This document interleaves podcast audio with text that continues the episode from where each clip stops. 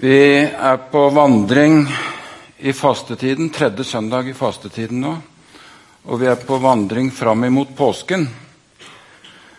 Og fastetiden er en tid for ettertanke, og hvor vi utfordres i de tekstene vi møter. Og så er det 8. mars i dag, den internasjonale kvinnedagen. Og over hele verden i dag så går kvinner i tog. Parolene kan variere veldig. Kvinnenes livssituasjon varierer veldig ettersom hvor i verden de lever. Og i dag altså så kommer disse parolene og det som kvinner og menn håper jeg, er opptatt av, til uttrykk i fredelige demonstrasjoner. Til demonstrasjoner der hvor de blir arrestert og møtt med vold. Men overalt så handler dette om likeverd, om rettigheter, om respekt, om rettferdighet. Det settes opp eh, tre bibeltekster for hver søndag som vi leser i, i kirken. og En av de hørte vi akkurat lest. Alle de tekstene som er satt opp for denne søndagen, de er preget av kamp. Kjempe mot det onde, leve i kampen mellom tro og tvil. Fortvilelsen når god helse blir overmannet av alvorlig sykdom. Når urettferdigheten seirer over rettferdigheten. Og når maktesløsheten overtar for drømmer og håp. Jobbs bok kjenner vi til sikkert. Og I Jobbs bok, det er den første teksten som leses rundt omkring i dag, der kan vi lese om starten på Jobbs ufattelige livskamp mellom ulykker og en fast gudstro. I Markusevangeliet leses i dag i en del kirker fortellingen om den unge gutten som var besatt av en ond ånd. Og vi møter de hjelpeløse disiplene. Hva gjør vi nå? Og vi aner en gryende mistillit hos noen til at Jesus kan løse denne situasjonen. Og I teksten som vi hørte lest nettopp, i Efeserbrevet, der brukes et litt sånn krigersk språk. I kampen mellom det gode og det onde, mellom rettferdighet og urettferdighet, så skriver Paulus om rustning og brynje og skjold og brennende piler og frelsens hjelm og åndens sverd. Og Jeg må innrømme at jeg er ikke så veldig glad i den typen krigerske uttrykk når bibelsk innhold skal uttrykkes. Men jeg forstår Paulus. Han satt i fengsel, og han hadde levd i et land hvor det var soldater overalt som kunne gripe inn i livet hans. Og muligens han var litt bekymret der han satt i fengsel, passet på soldater, og det falt naturlig å bruke akkurat de uttrykkene. Men egentlig så liker jeg bedre uttrykksformen som ble lest i den første teksten her, fra profeten Josiah, hvor det står litt om hva er faste, og hvor eh, det uttrykkes noe om hva faste ikke bør være. Det står noe om Jeg gjentar litt av det som ble lest. Det står noe om at mennesker plager seg selv i fasten, bøyer hodet som et siv og legger seg i sekk og aske. Høres veldig trist ut. Kaller du dette for faste, står det. Nei, dette er fasten jeg har valgt. Og hør nå å løse urettferdige lenker. Sprenge båndene i åket sette undertrykte fri. Dele ditt brød med sultne. Ja, hjelpeløse og hjemløse komme i hus. Du skal se til den nakne og kle ham. Og så Hvis vi leser litt lenger enn det som ble lest i stad Din rettferd skal gå foran deg, og Herrens herlighet følge etter deg. Jeg sa jeg liker den teksten bedre. Jeg er ikke helt sikker på om jeg liker den teksten. Den er veldig flott, men utrolig utfordrende. Og jeg innser at her strekker ikke jeg til på noen som helst måte. Men så er jo virkeligheten slik, og jeg tror at fastetiden skal minne oss på det. Det er utfordrende å være menneske. For vi har ansvar for hverandre. Og alle disse tekstene har altså én ting til felles. Kampen mellom det gode og det onde. Kampen mellom rettferdighet og urettferdighet. Det er det livsrommet vi lever i. Jeg forstår at dere bruker et hefte i menigheten, veiviserhefte. Og Der er det satt en overskrift for denne utfordringen jeg har fått å snakke om, for denne dagen, for dette temaet. Fremme rettferdighet. Og Jeg syns det er en veldig god formulering.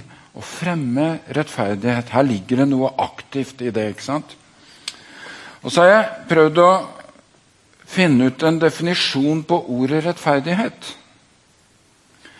Og Da gikk jeg inn på Wikipedia, og så leste jeg der at det fins ingen allmenngyldig definisjon på dette ordet.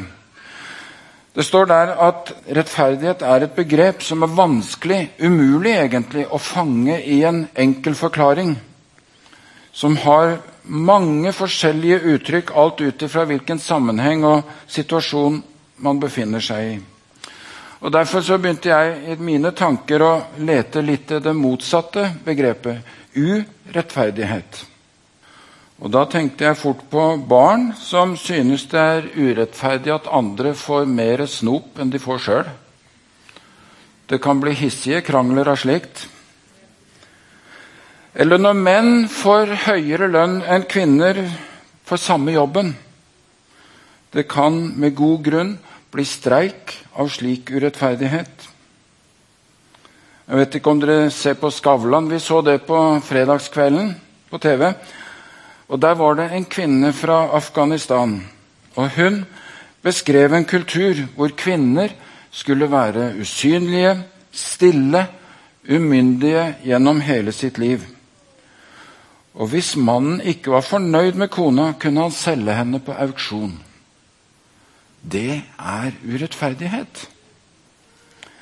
Eller når kvinner blir voldtatt, ja, menn òg for den saks skyld, og barn blir mishandlet, fordi noen har makt og hater og finner undertrykkelse som sitt beste og eneste maktmiddel. Det er mye av det i vår verden, og det er mer enn vi liker å tenke på også i vårt eget land. Så urettferdighet blir nesten ikke godt nok, det ordet, men det er urettferdighet også.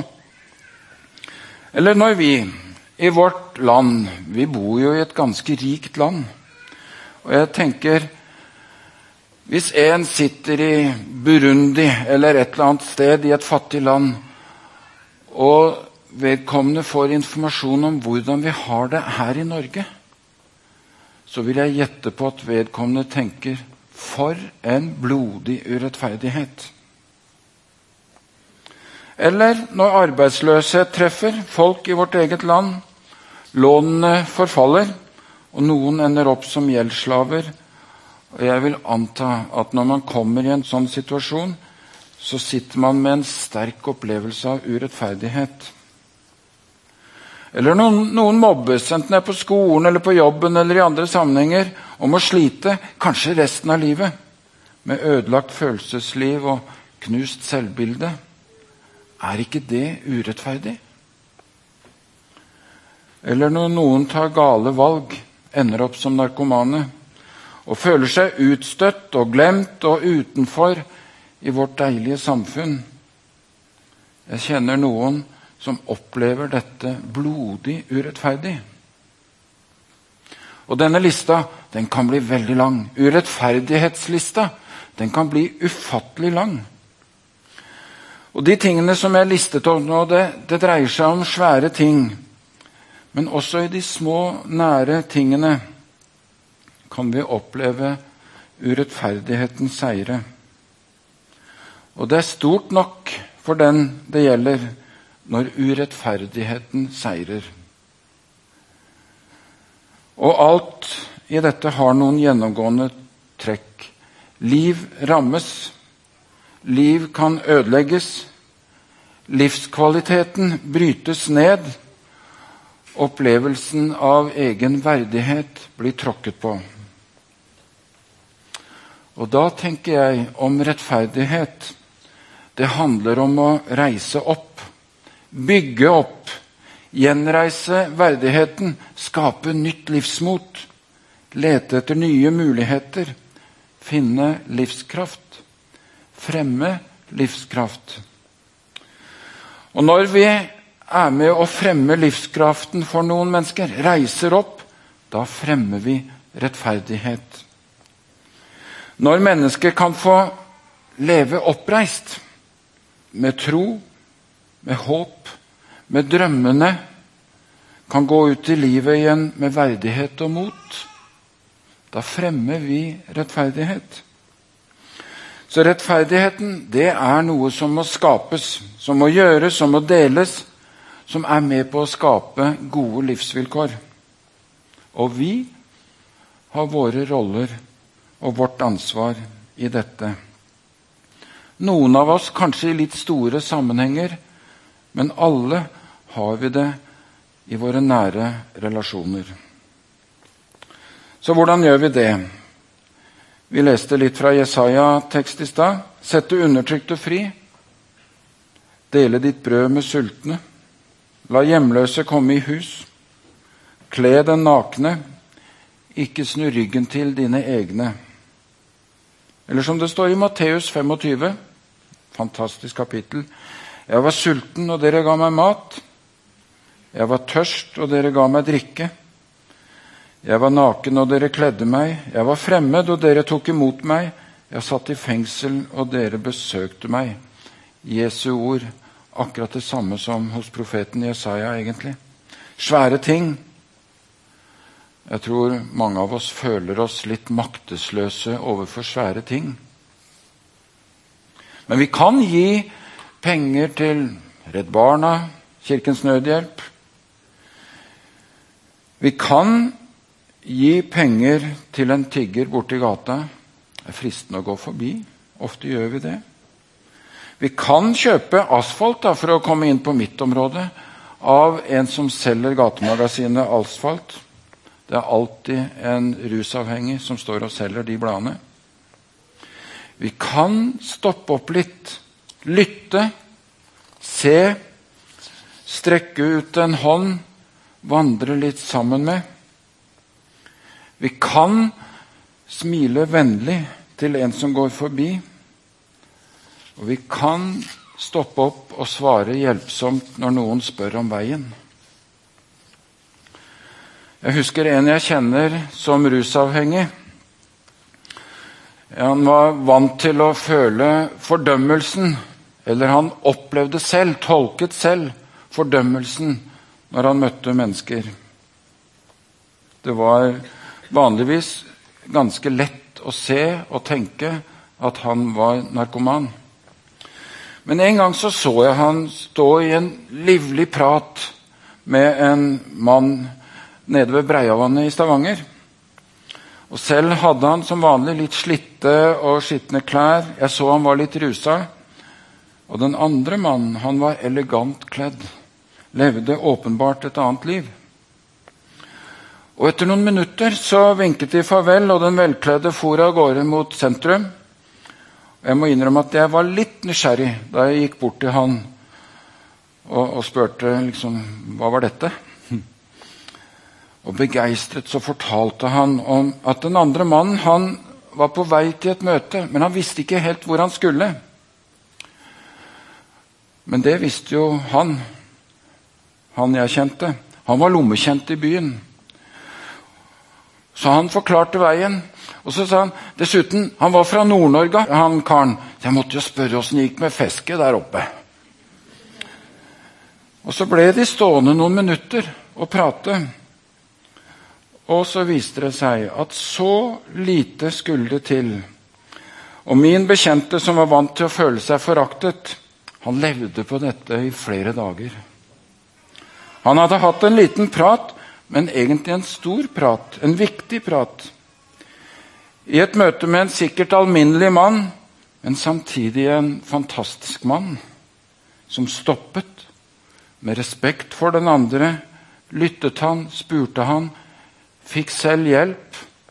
Men samtidig var han en som hjalp, rett og slett fordi han noe så enkelt som inkluderte den andre i sin alminnelighet. Og I den jobben jeg har, så er vi blitt veldig opptatt av øyeblikket. Det lille smilet. Den lille fleipen. Den lille setningen som kanskje var viktigere enn vi selv noen gang forsto. Den lille oppmerksomheten da vi lyttet. Den lille erkjennelsen da vi kanskje måtte si at vi forstår ikke helt smerten din. Vi forstår ikke helt hvorfor det er blitt sånn. Men vi aner hva det handler om, og så er vi på en måte veldig nært den andres virkelighet. Jeg må innrømme at vi føler oss Vi snakker litt om det, vi tre byprester. Vi føler oss ofte så totalt hjelpeløse stilt overfor en svær og sammensatt livsproblematikk hvor vi verken vet ut eller inn. Vi har ikke svaret, og det er ikke lett å finne ut av hva i all verden kan vi gjøre nå. Men jeg tror at bare det at vi lytter og på en måte signaliserer at det problemet du sliter med, det er svære greier. For da får de en slags bekreftelse på at ja, det er noe. Og han har hørt, eller hun har hørt, at dette sliter vi med. Men noen ganger så kan vi få oppleve da nettopp det at å få dele livssmerten, det kan være godt. Det å bli møtt med respekt for levd liv kan være med på å løfte litt. Og Noen ganger finner vi kanskje ut av sammen noe vi kan prøve å få til. Det ble nevnt her tidligere bare å hjelpe med et flyttelass. Vi har en tilhenger. Den er nedslitt av flyttelass. Jeg har ikke tall på, si, ja, hvor, hvor, mange hundre flyttelass vi har kjørt på disse åra.